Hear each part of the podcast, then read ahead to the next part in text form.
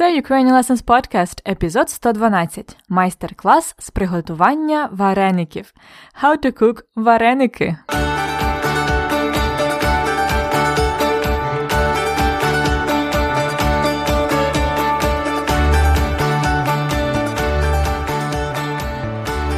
Добрий день! Це Анна, ваша вчителька української. Ви слухаєте мій подкаст Уроки української. Уроки для всіх, хто вивчає і любить українську мову. Сьогодні ми розпочинаємо серію з трьох особливих епізодів майстер-класів. Це, мабуть, будуть найскладніші уроки третього сезону. Ви будете слухати такі собі інструкції чи воркшопи про те, як готувати вареники, вишивати чи розмальовувати писанки. Так, буде багато слів і граматики, але не хвилюйтеся, ви можете переслухати епізод знову і знову, щоб зрозуміти все краще. Отже, сьогодні ми починаємо з кулінарного майстер-класу.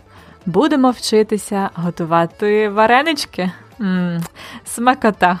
Вареники це універсальна страва.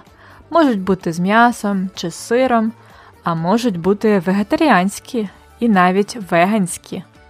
Тому сподіваюся, що після сьогоднішнього уроку ви приготуєте вареники вдома. Якщо так, обов'язково надішліть мені фотографію. Добре? Ну а зараз ще короткий вступ англійською і будемо починати. Today we begin a series of three special episodes, master classes.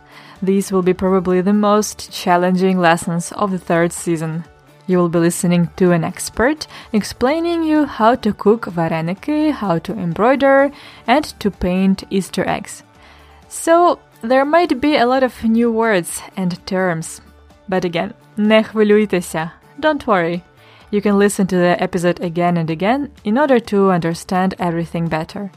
Today you will be learning how to cook vareniki. Смакота? Vareniki is a universal dish. They can be also vegetarian or vegan, вегетаріанські чи веганські. Maybe after the episode you will cook vareniki at home.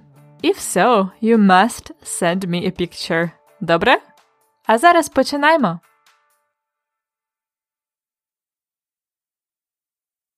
Майстер-клас, який ви будете слухати сьогодні, досить довгий. Це майже 4 хвилини. Тому я пропоную вам слухати його частинами. Ви будете слухати невелику частинку, а тоді ми будемо зупинятися, і я буду коментувати її, пояснювати вам деякі слова і граматику. Добре? Тоді слухайте першу частинку. Добрий день! Мене звати Олена Білоус.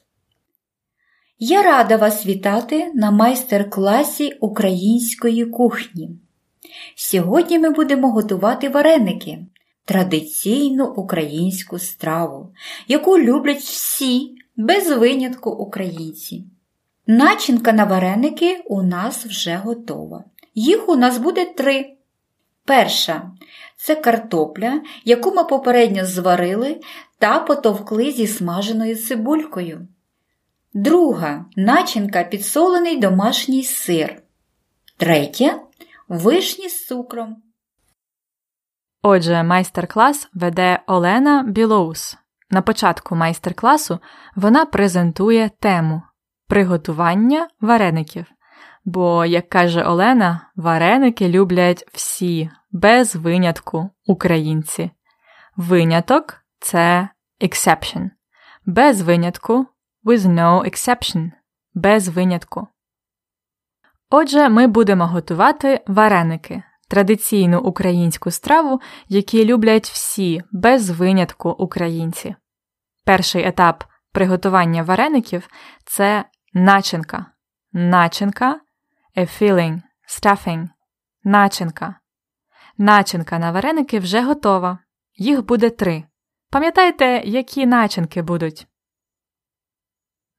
Перша начинка це картопля, яку ми попередньо зварили і потовкли зі смаженою цибулькою.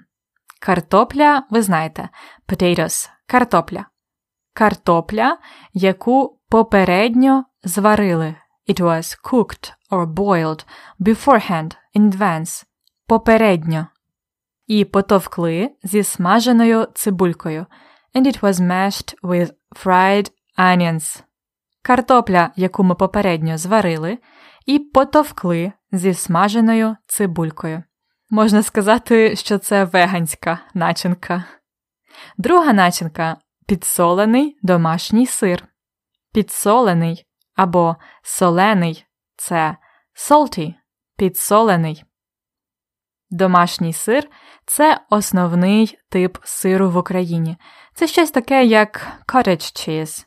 This white fresh cheese is most common in Ukraine. Домашній сир. Отже, друга начинка це підсолений домашній сир. І третя начинка вишні з цукром. Вишні, пам'ятаєте? Cherries, sour cherries. Вишні. Ммм, це вареники на десерт з вишнями і цукром. Це мій улюблений десерт. Отже, начинки готові. Далі треба приготувати тісто. Тісто до. Тісто. Слухайте інструкції пані Олени.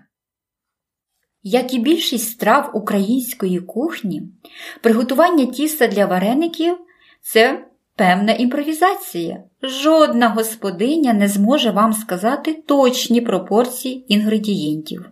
А взагалі нам будуть потрібні борошно, вода, сіль. Для початку візьміть трохи борошна, приблизно одну склянку. Ось так висипайте в миску та підсоліть. Потім лийте воду та вимішуйте. Якщо ви відчуваєте, що тісто надто густе, додайте ще трохи води. А якщо надто рідке, додайте борошна. Готове тісто покладіть на стіл. Посипте стіл і тісто борошном. І починайте добре місити. Це може бути непросто, потрібно чимало зусиль. Місіть тісто доти, поки воно не стане гладеньким і пружним. То як приготувати тісто на вареники? Як каже пані Олена, приготування тіста для вареників це певна імпровізація. Імпровізація. Які інгредієнти потрібні для тіста? Пам'ятаєте? Їх три: це вода, борошно і сіль. Вода, борошно, сіль. Дуже просто. Далі пані Олена дає такі інструкції: Візьміть одну склянку борошна. Take one glass of flour. Візьміть одну склянку борошна. Висипайте борошно в миску та підсоліть. Pour the flour into a bowl. Миска. Та підсоліть. Salt it. Підсоліть. Потім лийте воду та вимішуйте. Then pour water and mix. Вимішуйте. So if you pour liquids, you say лийте, лити. And if you pour some dry stuff like flour, you say висипати, висипайте. Лити, висипати.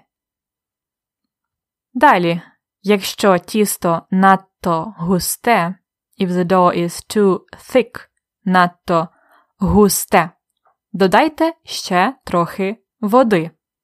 А якщо воно надто рідке, if it's too watery, wet, рідке, додайте борошна. Готове тісто покладіть на стіл. Put uh, the dough which is ready on the table.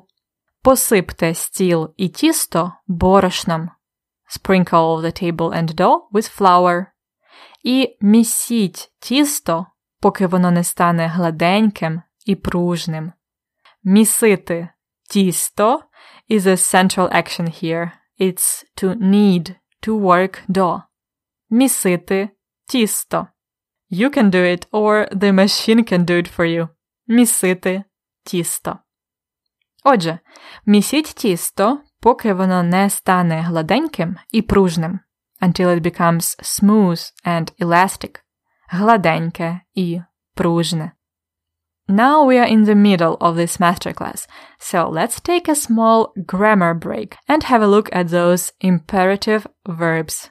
In the previous episodes, I told you about how to make the verbs imperative to address one person informally, ty.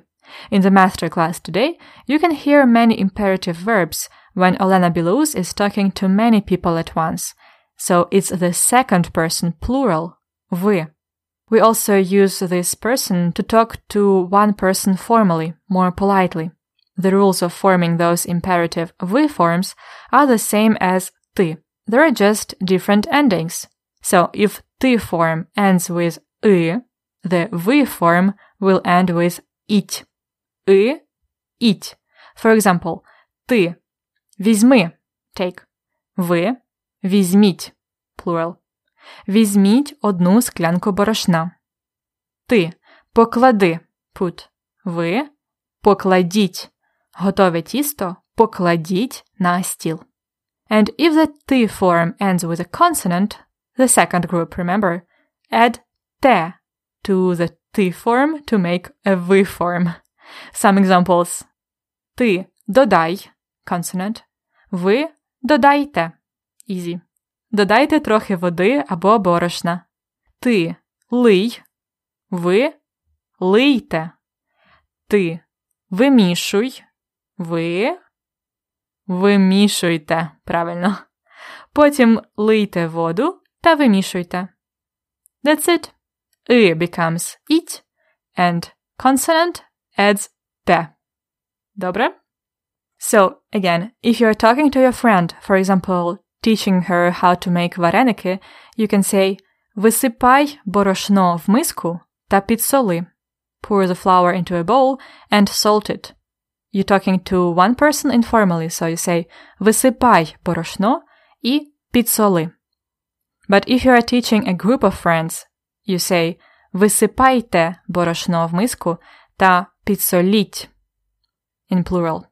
As always, you can see the table of those transformations in the lesson notes. And remember that in the previous lesson notes, in the episode number 111, you can find the main table of forming the imperative.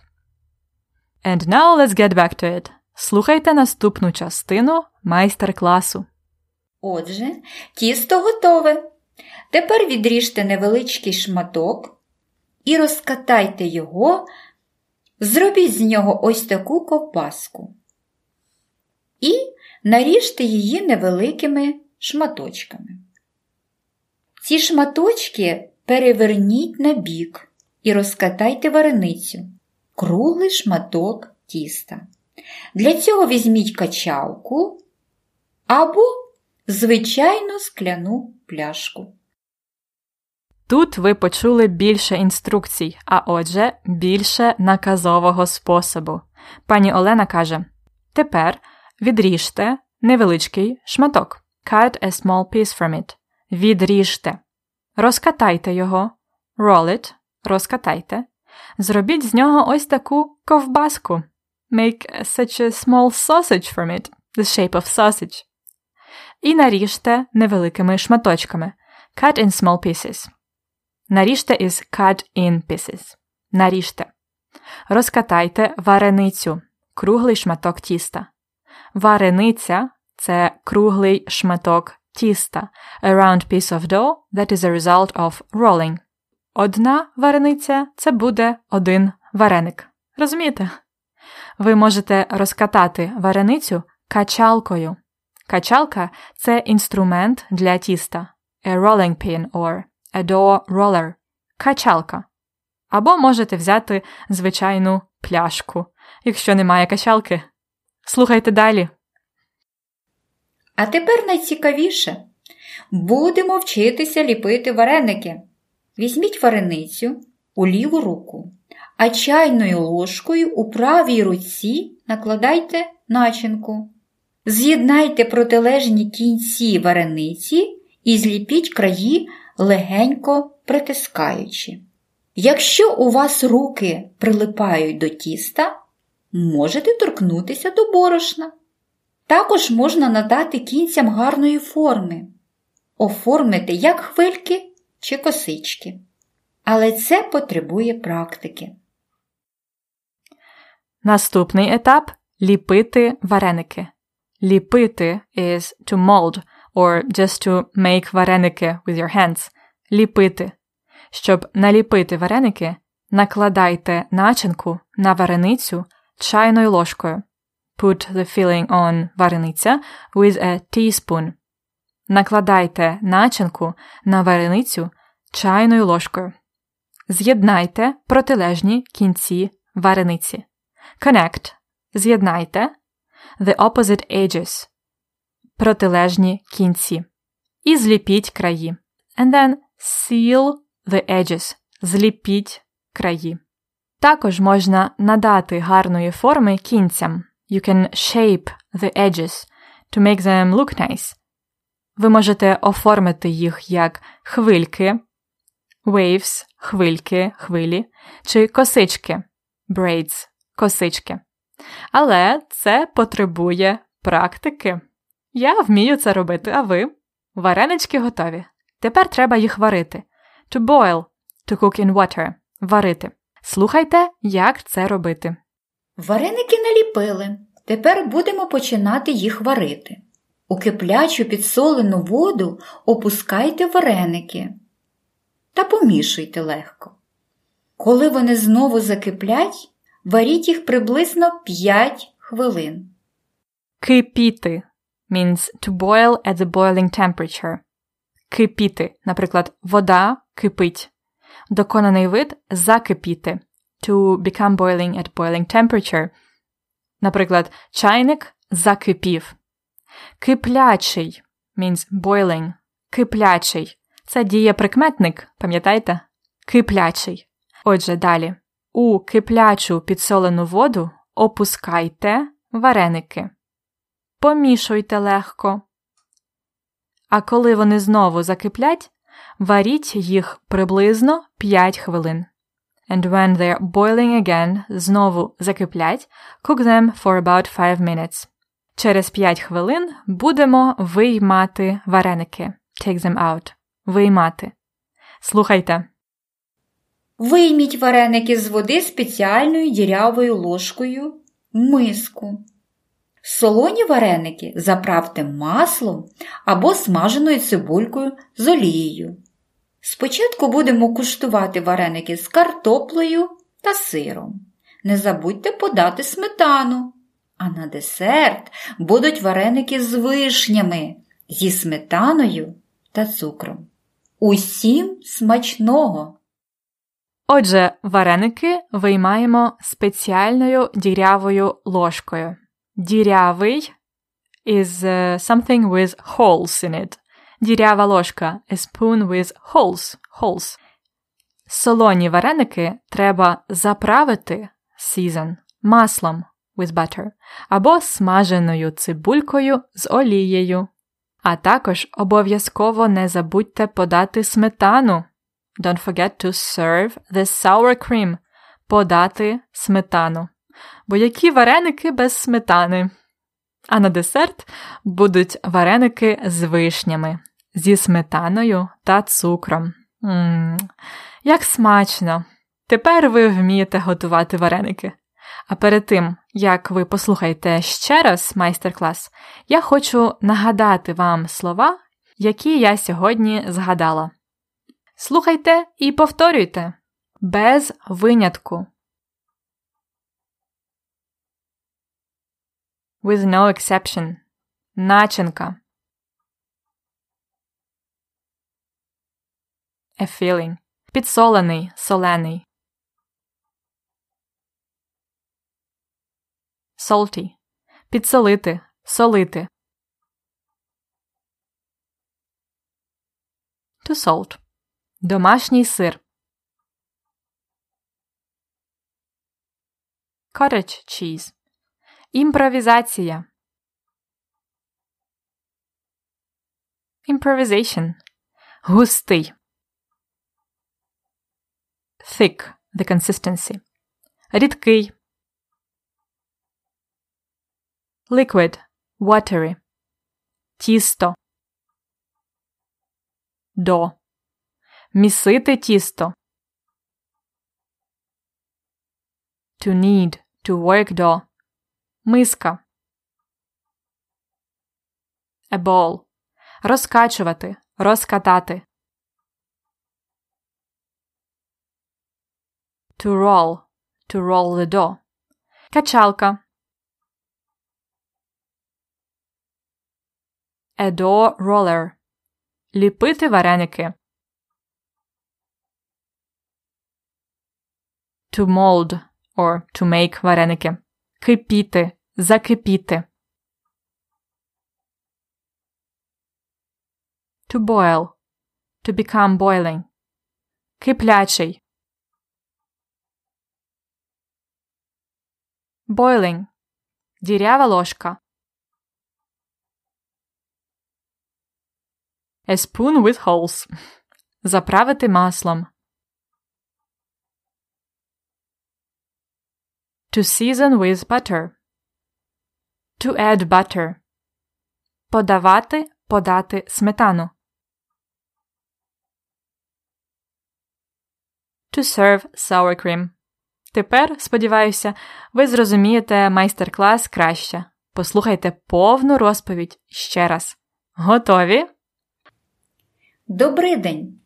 Мене звати Олена Білоус.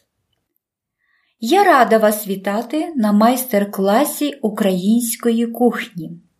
Сьогодні ми будемо готувати вареники, традиційну українську страву, яку люблять всі без винятку українці. Начинка на вареники у нас вже готова. Їх у нас буде три.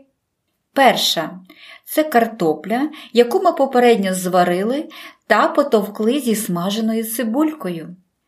Друга начинка підсолений домашній сир. Третя вишні з цукром. Як і більшість страв української кухні, приготування тіста для вареників це певна імпровізація. Жодна господиня не зможе вам сказати точні пропорції інгредієнтів. А взагалі нам будуть потрібні борошно, вода, сіль. Для початку візьміть трохи борошна, приблизно одну склянку. Ось так висипайте в миску та підсоліть. Потім лийте воду та вимішуйте. Якщо ви відчуваєте, що тісто надто густе, додайте ще трохи води, а якщо надто рідке, додайте борошна. Готове тісто покладіть на стіл, посипте стіл і тісто борошном і починайте добре місити. Це може бути непросто, потрібно чимало зусиль. Місіть тісто доти, поки воно не стане гладеньким і пружним. Отже, тісто готове. Тепер відріжте невеличкий шматок і розкатайте його, зробіть з нього ось таку ковбаску. І наріжте її невеликими шматочками. Ці шматочки переверніть на бік і розкатайте вареницю, круглий шматок тіста. Для цього візьміть качалку або звичайну скляну пляшку. А тепер найцікавіше будемо вчитися ліпити вареники. Візьміть вареницю у ліву руку, а чайною ложкою у правій руці накладайте начинку. З'єднайте протилежні кінці варениці і зліпіть краї легенько притискаючи. Якщо у вас руки прилипають до тіста, можете торкнутися до борошна. Також можна надати кінцям гарної форми, оформити як хвильки чи косички. Але це потребує практики. Вареники наліпили. Тепер будемо починати їх варити. У киплячу підсолену воду опускайте вареники та помішуйте легко. Коли вони знову закиплять, варіть їх приблизно 5 хвилин. Вийміть вареники з води спеціальною дірявою ложкою в миску. Солоні вареники заправте маслом або смаженою цибулькою з олією. Спочатку будемо куштувати вареники з картоплею та сиром. Не забудьте подати сметану. А на десерт будуть вареники з вишнями, зі сметаною та цукром. Усім смачного!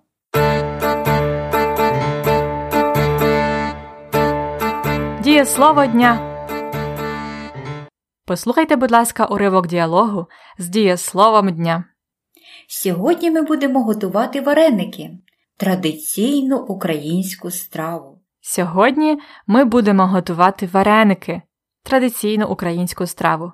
Дієслово дня готувати це просте дієслово, але воно має кілька значень. По-перше, готувати це to prepare, to make ready, to warm someone up. Також готувати це to train, to prepare for an exam. Наприклад, я готую учнів 11 класу до екзаменів. Це правда. Доконаний вид дієслова готувати у значенні to prepare, to train підготувати. Готувати підготувати, but only in those meanings. Але також готувати означає to cook, to make a dish or a lunch, breakfast, наприклад, готувати вареники, готувати обід. У цьому значенні доконаний вид буде приготувати або зготувати. Сьогодні Христина сама приготувала або зготувала вареники. Щоб приготувати вареники, вона підготувала борошно, воду і сіль. Розумієте різницю між приготувати і підготувати? Приготувати вареники, підготувати борошно, воду, сіль. Добре, а тепер будемо змінювати дієслово готувати в теперішньому часі. Це просто я готую drop ва. Ти готуєш. Він готує. Яка це дієвідміна? Звичайно, перша дієвідміна. Ми готуємо. Ви готуєте. І вони готують. У минулому часі вони готували або підготували, або приготували. У майбутньому часі недоконаного виду він буде готувати. Ми будемо готувати і так далі. А у доконаному виді майбутнього часу приготувати я приготую вареники на обід. Ти приготуєш. Він приготує. Або підготує, if it's not about cooking, but about just preparing. Вона підготує картоплю і вишні для вареників. Ми підготуємо. Ви підготуєте. І вони підготують. А що ви будете готувати сьогодні ввечері? Ви вже підготували інгредієнти? Фразеологізм дня. Сьогодні ми багато говоримо про їжу, тому фразеологізм дня голодний як вовк. Literally in Ukrainian it's hungry as a wolf. But as far as I know, in English, hungry as a wolf means something else. In Ukrainian, голодний як вовк means extremely hungry, hungry as a hunter, hungry as a bear. Орест був голодний, як вовк, тому купив у супермаркеті вареники і швиденько їх зварив. Орест was hungry as a hunter, so he bought вареники in the supermarket and quickly cooked them. Послухавши майстер-клас з приготування вареників, я тепер голодна, як вовк. After listening to the вареники masterclass, I am now hungry as a bear. Послухавши майстер-клас з приготування вареників, я тепер голодна, як вовк. А ви зараз теж голодні, як вовк? Я голодна, як вовк, тому що зараз буде обід скоро.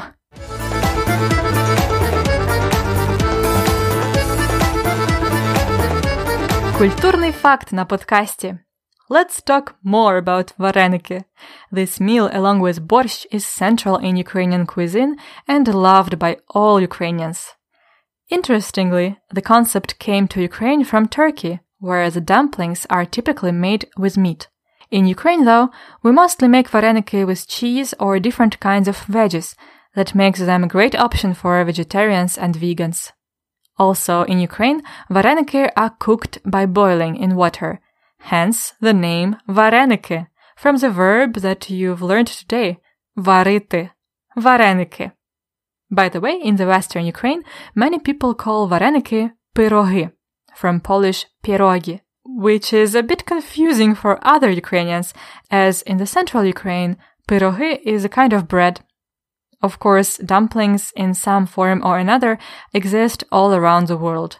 I remember once during the intercultural project, a Chinese girl cooked dumplings that looked exactly like vareniki. I was shocked. and there are also ravioli in Italy, pelmeni in Russia, and they are popular in Ukraine too. But in Ukraine, our vareniki have a variety of nachinki, fillings. They are different in different regions too. For example, in my family in Khmelnytska Oblast, they cook vareniki with cabbage, cheese, potatoes, cheese and potatoes, mushrooms and potatoes, meat and potatoes, cherries, blueberries, strawberries, and so on. If you are in Ukraine, I recommend to try vareniki in Puzata Khata, where they are cheap and tasty. You can also buy them frozen at the supermarket. They taste not as good, but it's a very convenient fast meal if your fridge is empty. Ласкаво просимо до України і смачних вам вареничків!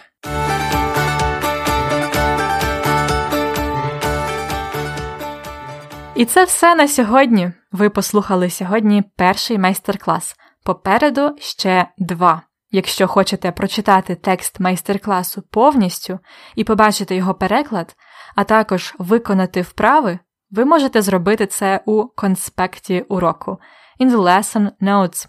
If you haven't already, become a premium member to receive our lesson notes weekly. Find out more at ukrainianlessons.com slash episode 112 ukrainianlessons.com slash episode 112. Гарного дня чи вечора! До наступного тижня! До побачення!